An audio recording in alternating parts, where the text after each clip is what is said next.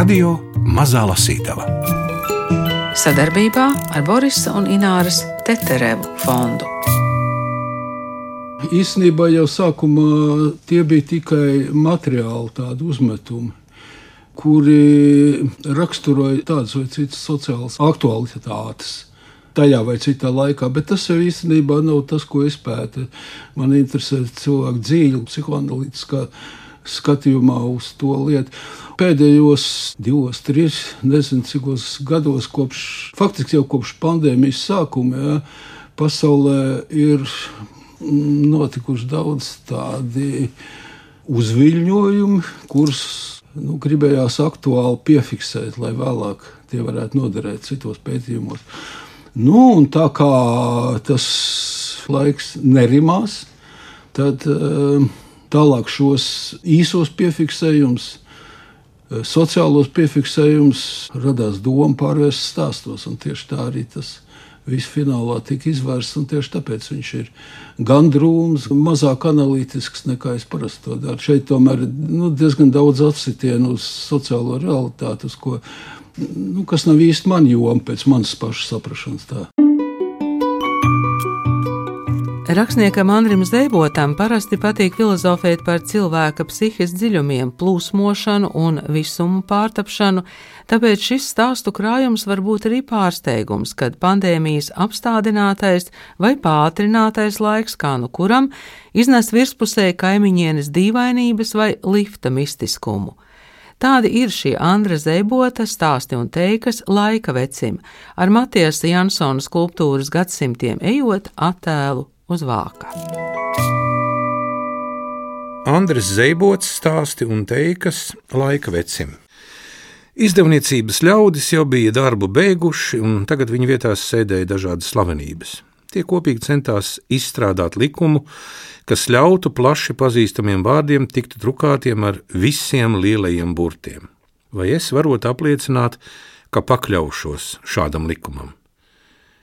Ja vien man būtu šā likuma ietvaros pašam personīgi apsolīts nekad neiekļaut mani šajā lielo burtu sarakstā, tad es balsotu par. Vai man bail no slavas? Nē. Taču man nav vēlēšanās visiem attaisnoties, kāpēc esmu spēļu zāļu apmeklētājs. Tur viss ir anonīmi, tāpēc atļaujas emocijas. Bet citi, lai izkar sevi skatlogos, kāpēc ne? À, tad jau skauž, ko bilda kāds no slavenībām. Teikšu vienkārši nē, neticēs. Domās skauž vēl trakāk, abet tā, kas vilst, tāpēc saku prātīgi, nu, padomāsim loģiski. Es nezinu, tu drīzāk arī nezini, cik tādu influenceru ir tuvākajā apkaimē, bet visā pasaulē noteikti tūkstošiem. Ja visas būtu jāapskauž ārprāts, vai tad vispār atliktu citi darbi, ko darīt? Skat augsti māksliniecisko un organiski kvēlojošo politiski aktīvo tekstu autors Jērmols, pazīstams ar pseidonīmu Anfasie, šogad tiks nominēts primārā prestiža balvai visas valsts mērogā. Jāpiezīmē, godināta tiks arī cienījamā un tagad jau nelaiķa romantisko sacerējumu dziesmotāja Lavīnija. Lūk, Anfasie vēstīja savā brīnumaino atklāsmi portālā Patiesība ir jāizsaka tieši, bez aplinkiem un noteikti. Tikai tādā gadījumā var uzskatīt, ka runātais ir uztverams nopietni. It visiem, tik labi lasītājiem kā rakstītājiem, šodien ir vajadzīgs drošs pamats zem kājām. Nevienu normālu cilvēku vairs neinteresē mūžīgie maldi, pseidoromantiskie dejojumi krāsainā miglā. Savukārt profesore Maiga Toldevita Lavīnijas dziesmojumu tulkotāji Eiropas valodās, atbildot uz intervētāju jautājumiem prestižā preses izdevuma lapusēs, lika ievērot, Pieņemsim, ka pasaule ir tāda, kādu to saklausām, ieraugām un sajūtam. Vai tad, piekarinot šiem sajūtu uztvērumiem zīmes, vārdus vai nosaukumus, sauciet kā vēlaties, vai gan tāpēc viss mainās, kļūst citāds, svešs? Nē, viss paliek kā iepriekš. Ja pasaule arī nav tāda, kādu dzirdam, redzam un taustām, izkārtnes vienalga nodara, lai varam sazināties ar citiem. Un arī šajā gadījumā nav svarīgi, cik pareizi vai nepareizi kaut kas nosaucies šajā ziņā. Tātad spēle vienmēr būs godīga, ja parādīsim savos tekstos to, ko var piedzīvot jebkurš lasītājs. Vai šis ir jēdzīgs modernās runas piemērs? Vai viena un otra autora teikto sociālajā telpā vispār var salīdzināt? Kuram piekrītu es? Laikam abiem. Taču kuru savā spēlē atzīmēšu kā uzvarētāju, kuru izvēlēšos, kad iesniegšu izlozes talonu cerībā uz laimestu? Liekot likmes, ir jāizvēlas viens, citādi nav jēgas. Hausa apstākļos izredzes būtu 50 pret 50 varbūtības. Tāda spēle man nedara. Es gribu vairāk. Gāju uz stacijas pusi tai dīvainajā pilsētas daļā, kurā vijās šauras ieliņas, mazo veikalu skatlogos un virs izkārtnēm līkas zaļumi, krūmi ķetnām un karājās gaisā puķpodos. Jā, bija man jātiek līdz stacijai, jānopērk transporta biļetes. Kurs sasodītais maks? Re, kur ir?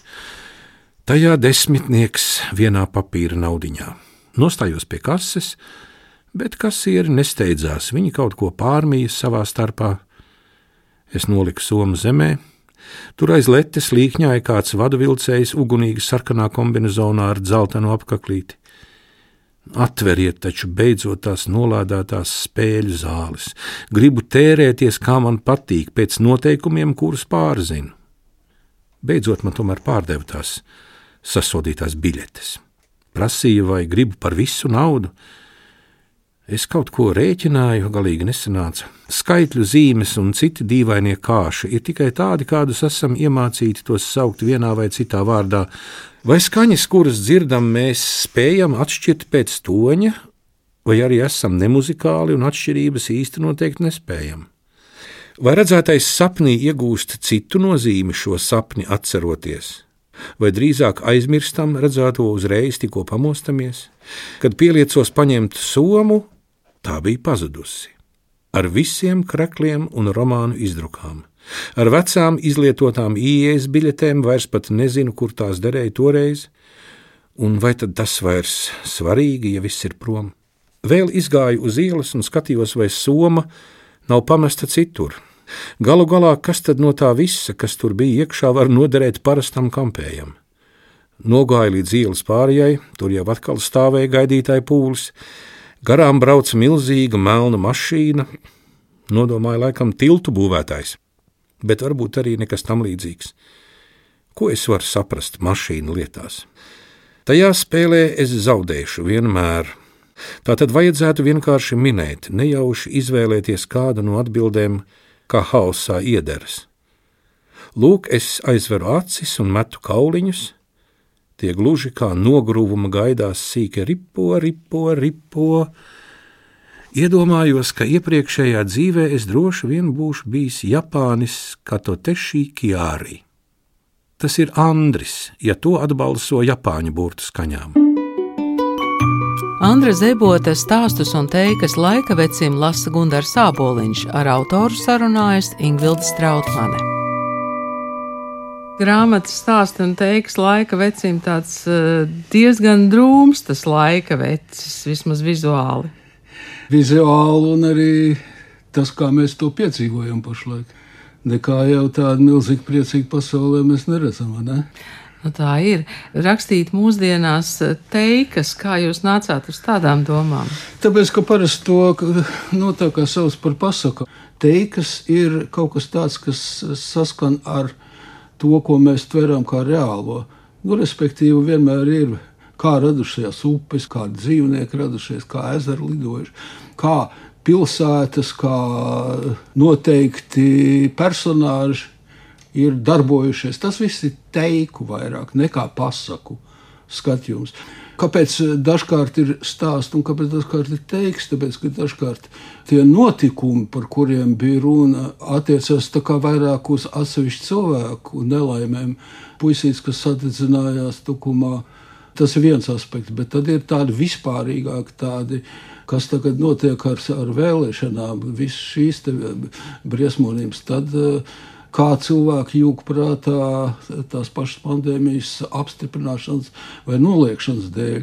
Tas viss ir, nav ietverams kādā vienā raksturā. Līdz ar to ir nepieciešams attālināts. Un lūk, tas ir tas teikas attālinātais skatījums, kas uh, no vienas puses ir paplašinās, no otras puses ir sašaurinās. Viņš vairs ar konkrētu personāžu, konkrētu cilvēku dabu, kā jūs tagad man jautājat, it kā uh, saskan un tai pašā laikā viņš ir tikpat attālināts kā jebkurš notikums e, mūsos. Šos notikumus vienmēr pārvārām kaut kādā ziņā sevi. Priekš tam mums ir dots e, vesels, milzīgs psihisks aparāts, tāda tā kā milzu fabrika. Tāda. Nu, teiksim, agrāk Freids pieskārās tikai nu, ģimenes ietvaros, ja tā ir psihoanalīzē, bet 20. gadsimta gaitā tika Lablakāns un beigās visvairāk Dilēs un Gvatāri tieši viņa šizoanalīzes izpratnē ir. Viņš jau ietvēra cilvēku sociālo psihoanalīzi, parādīt tādā veidā. Un tā vai citādi šīs zināšanas ne jau nu ilustrējot, bet vienkārši ņemot vērā, balstoties, atspēroties uz tām. Nu, vairāk vai mazāk veidojās šādi stāsti un teikas. Sapnī Feika redzēja sevi teātrī. Viņai bija loma, lai gan tās tekstu nelaimīgā nezināja. Taču režisore Blondīne, tā pati, kura kādreiz jauno aktieru studijas uzņemšanā bija zaudētāju, nolīdzinājusi līdz ar zemi, tagad sapnī lika iet un spēlēt. Tu to izdarīsi, jo tev ir talants, teica režisors Spoks tajā šlagas lauka bezsamaņā. Vēlme lūkoja piespiest gaistošo prātu atzīt neiespējamo. Talants tev ir, atbalsojās atkārtojumos. Drīz feika uztrūksies un klieks savā apziņā bez balss: Nav man talanta, nekā man nav. Pat stulbās feika ziņas es nespēju noturēt spraigu uzbrukuma līmenī, nespēju nobradāt oponentus, neko es nespēju, viss beigts. Viņa pēkšņi sajutīs, ka nespēja pakustēties, pat kājas izstiept, ine pirkstu, neko. Muskuļi šķita iesaluši. Tie nespēja plūsmot ķermeni. Tik vien kā ledus drumslu kārtām vibrēja uz vietas. Sapnis raustījās šurpu turpu, no eksāmena telpas līdz skatuvei un atpakaļ. Jautājums biļetē, kādus ēdienus var pagatavot no reņģiem. Skatuves režisorei es teicu, ka man nelaimīgā kārtā mājās palikusi ieskaišu grāmatiņa. Mēs sēdējām aizkulisēs, kā slēpjoties bunkurā no bombardēšanas, izolācijā no visas agresīvās pasaules sev stāstīja Feika. Nevar dzīvot lietās, ir jādzīvo elpojamā gaisā. Kurš to teica? Viņa pati to teica. Un tagad, kas tagad? Dedzina šķembas, tad kādu brīdi aprimst un karsē atkal, skābe līst šajā pasaules daļā, šlaga birst no mākoņiem. Guļamais no rītiem nomelnējis un smirdošs. Tas tev jāapdzīvo, ņirdzīgi norādīja režisors Spoks. Patiesa teātra māksla ir iedzīvošanās dotajos apstākļos, dotajā smacējošā smoga izdzīvošanā. Tēva jaunajā mājā, kur viņa vienreiz ir bijusi, bija piekārti smagi logu aizskari, biezi kā guļamas segas. Te kaut kas līdzīgs, tikai viņai nav jaunas sievas. Tas ir kā tēvam, Feika reiz cerēja jaunu vīru, Tagad tas viss ir lupatās, jo ilūzija laiks ir beidzies. Vai es esmu bijusi kāda briesmone? Viņa tagad jautāja sev. Skaidrs, ka nē. Normāls augums, normāls seja. Visiem nepatīk, citai skaldības bāž acīs, ka neglīta, bet zots viņai ir izcili skaists. Kā vecvecmāmiņai sensenā melbaltā, nedrīzāk brūnmelnā bildē, kura mammai glabājās viņas milzonīgajā albumā ar jūgenda stilizēto puķu vijumiem apmalēs mani nekad neviens vairs neapskaus, jo es negribu nevienu. Lai nolādētu šī pasaule, es vairs nedzīvošu tajā, es nosprāgšu te, šlagas lauka vidū, tas ir izlemts. Manas smadzenes izvemj mani. Esmu tās nospirtojusi līdz eļļas plankumiem uz pilsētas upes virsmas. Un viņa pūlējās aizvilt guļamais rāvējs lēdzēja līdz galam, līdz kamēr viņa visa būs iekapsulēta tajā kūniņā un vairs neredzēs, nedzirdēs un nejutīs neko ārpusē. Taču rāvēja kodējs bija vecs un ieķēries, viņa vilka ar spēku, kliedza balsī un plēsa, kaut ko saplosīja, tad atstājās. Kā vienmēr. Bija noticis kā parasti Vēlme izbeigt pasaules naidīgo intensīvu skrāpējumus, dūrienus, ņirgu kniebienus un visu to preteklību šļuru, ko gāza dārgajie līdzdzīvojošie, patiesībā nekādi nedārgie, tieši otrādi lētie un toksiskie. Lūk, īstenā pandēmija, pret kuru nav nekādu vakcīnu. Paralēlās pasaules ērmus pokainas ilūzijas par pašu nesētāju visvarenību, par izcelību, par sevi kā cilvēcības aizstājējiem, par viņu pārliecību, ka drīkst diktēt savus uzskatus, lai tie tiktu pieņemti totālā paklausībā visur un būtu likums visiem. Viņi ir nāves ticības sludinātāji. Un es ar saviem plēsēju slēdzējus feikiem sociālajos tīklos esmu tiem arī palīdzējusi. Velns to visu raus, bet es nenožēloju. Nav jēgas, nav cerību. Es vienkārši nosprāgšu šlagas laukā, jo man tagad riebjas viss, viss apkārt. Jo smirdošāks mans pašas ķermenis, jo vēl vairāk puvuma dvēsmas, manā galvā ieperinājušās, izredzētās feikas, brīnum pasaules lidonis un burvju mākslas apguvušās murks, klusumu. Es gribu tikai un vienīgi neko.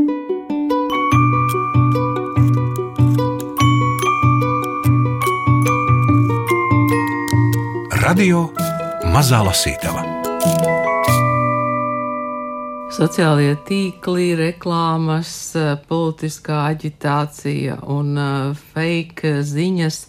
Jūs vārat arī tajā lauciņā, vai, vai atrodat uh, šo un to? Tas ir tas tā saucamais atkārtojuma spaids. Vispār atkārtojums tā ir milzīga tēma, par ko mēs varētu runāt un runāt. Jo dažkārt atkārtojumu lieto kā paņēmienu, ja, bet ikdienas dzīvē mēs no tā būvējam. Sauksim to tā, ilūzija par īstenību. Nu, kā doksas cilvēks, viņam ar vienkāršo viedokli, viņam viss it kā atkārtojās. Nu, dienai seko naktis, un kas tur elpa, ieelpa, izelpa, lai gan nekad, nevienu dienu nekad nav līdzinājusies jebkurai citai dienai, un neviena nakts nekad nav līdzinājusies jebkurai citai naktī. Tas vienkārši nav iespējams, jo dabā viss mirst, kustās, pārvietojās un dzimst atkal no jauna. Ja neņem šo vērā, tad atkārtošanās kļūst tāda. Nezinu, šlāgeriski, tāda, tāda virspusēji. Tāds piedziedājums, jā. Nu, trūlijā. Un tā šīs ilūzijas cilvēkam itin bieži, ja nevienmēr atspēlējās. Viņam liekas, ka mans tēvs tā darīja, vecais tēvs darīja, es darīšu tāpat, neskatoties to, ka daudz kas jau ir mainījies. Ar to viņš itin bieži iegāžās ļoti smagās problēmās un negrib to saprast. Viņam liekas, ka visi ļaunie spēki pret viņu vēršas un, un ka visa pasaule pret viņu sazvērēsies un kaut kas tāds. Vai jūs varētu paskaidrot, kas ir šlagas lauks? Tas, kas norakstīts, vai arī pats sevi ir norakstījis atkritumos, kas pats sevi neuzskata par derīgu kaut kam, kam nospļauties līdz ar to par morālu. Viņam nav nekādas vajadzības, viņš var feikot, viņš var gāzt, ko vien grib, viņš var lamāties tramvajā uz ielas veikalā un kur vien vajag. Lūk, tas ir šlags lauks, tas ir atkritums, kas ir pārvērsts par sevis dabu. Diezgan daudz jūs runājat par rituālu, par buršanos, par um, brīnumu līdzekļiem. Tas ir tādēļ, ka mēs um, gaidām kaut ko tādu brīnumainu. kaut kādā ziņā jau cilvēkam tā viņa daba viņam prasa, kas ir rituāls. Tā ir tāpat atkārtošanās. Es jau minēju, tas ir atkārtošanās.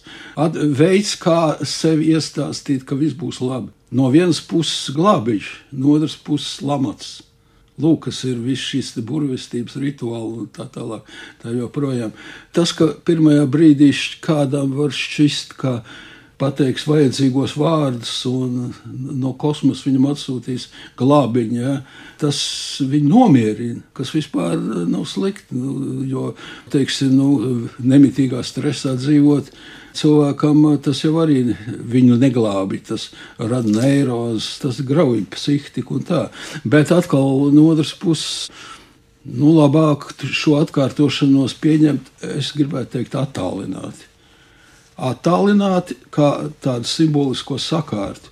Var jau, protams, arī teikt, kā, ka vēsture atkārtojās. Nu, tīrāk, ja meli no vienas puses, no otras puses, tas ir eh, zināmā mērā attaisnojums kādai rīcībai, sevis glābšanas kaut kāds. Nu, kā lai to saka, tās ir zāles, ja, kuras lietot drīkst tikai akūtā gadījumā nevis nepārtraukt. Ja mēs nepārtraukti viens un tās pašas zāles rīsim, mēs dabūsim pretējo efektu. Tas ir tas atkārtošanās spaids, kā pret mums tas tiek vērsts un kā mēs ar to vai nu tiekam, vai arī netiekam galā. Kādu vakaru pēc darba Lavīnija, sena paziņa, ar kuru par retām sazinājāmies, mani ierāva vēl kādā tuvējo sociālo tīklu bezgalīgo prātojumu mutulī. Tā bija balss, ko viegli iedomāties skanam no parlamenta tribīnes.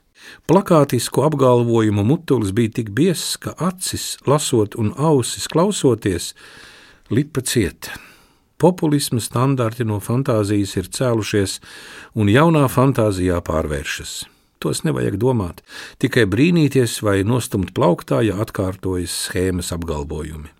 Divreiz brīnīties par vienu klišeju ir lieka laika tērēšana un garlaicīgi. Tā ir pašiemūrēšanās. Tāpēc politiķu saukļi ātri uzplaiksnās debesīs, pēc tam ātri aiziet plauktos. Tur tos aizmirst arī paši agrāk tukšos plakātus valkājušie. Un tur arī sapelē visi tautas vārdā, progresam vienotie, aicinātie patrioti, stingrā grība, nelokāmie principi un vēl un tā joprojām Visi melo, melo savilkti savos stinguma krampjos, sūnu un pelējumu plaukti, pagrabs, kurā nelegāli vārās emocionālas uzlādēšanās vielas. Tai pašā vakarā es izdzirdēju kaimiņus kliedzam. Bija sajūta, ka noticis kaut kas ārkārtējs. Tikai vēlāk es uzzināju no globālā tīkla un sapratu, kas bija noticis. Latvijas basketbola komanda bija meistars sacīkstēs Japānā, uzvarējusi pretiniekus bet man izrādījās trūcis emocionālu slēgumu ar kaimiņiem. Viņi būtu ārkārtīgi pārsteigti uzzinājuši, ka es nekliedzu. Es vispār nereaģēju nekādi. Šodienas sabiedriskā mašinērija šķita tehnoloģiskāka kā jebkad. Kā var nereaģēt, ja ir pienācis impulss? Tāpat noliedzējiem vai kādiem neiederīgajiem, kas justos šī impulsa atgrūsti, Viņi arī reaģētu, bet savā veidā. Šādi troļļotāji tūlīt mestos propagandas melu jūklī, piemēram, šie būtu apgalvojuši, ka patiesībā uzvarēja Ziemeļkoreja vai Doņetskas bandīti vai vēl kādi propagandas pūšļa valdnieki, vienkāršais dusmām, ka ietekmēšana neiet tik labi, kā saimnieki vēlētos. Troļļi jūtas atbildīgi vienmēr par pienesumu saimnieku indas vēlmes ražošanai. Vienošanās, sabiedriskošanās, tādas konstrukcijas nerodas no tukšas realitātes. Tā ir jāpiebāž ar konkrētām vajadzībām atbilstošu vispārinājumu un sapņojumu sērgu. Jāmeklē vainīgie. Kas redzamāki, tie tad arī būs lielākie ļaundari. Andra Zebota stāstus un teikas laika vecim izdevusi dienas grāmata. Teiksmotāji, teiku meistari tā vienmēr rīkojas, satver pasauli, kāda tā ir, un iztēlē apdzīvo pēc sava prāta. Šajā ziņā lasītājs ir rakstnieka tuvākais radinieks. Mēs zinām, ka jebkura schēma liek vilties, vārdi un uzvārdi nav izņēmums. Tā autors. Šo stāstu un teiku laika vecim pēdējais teikums ir. Jau var iziet, paskatīties, vai pēkšņi un sazina, kāpēc nerodas jauns visums. Pēc visu, ko es izlasīju, man nezinu, kāpēc šķita, ka tas pēdējais teikums iedod tādu mazu cerību. Jā, es domāju, ka tā arī ir. Jā. Jo katrs cilvēks ir jauna pasaule.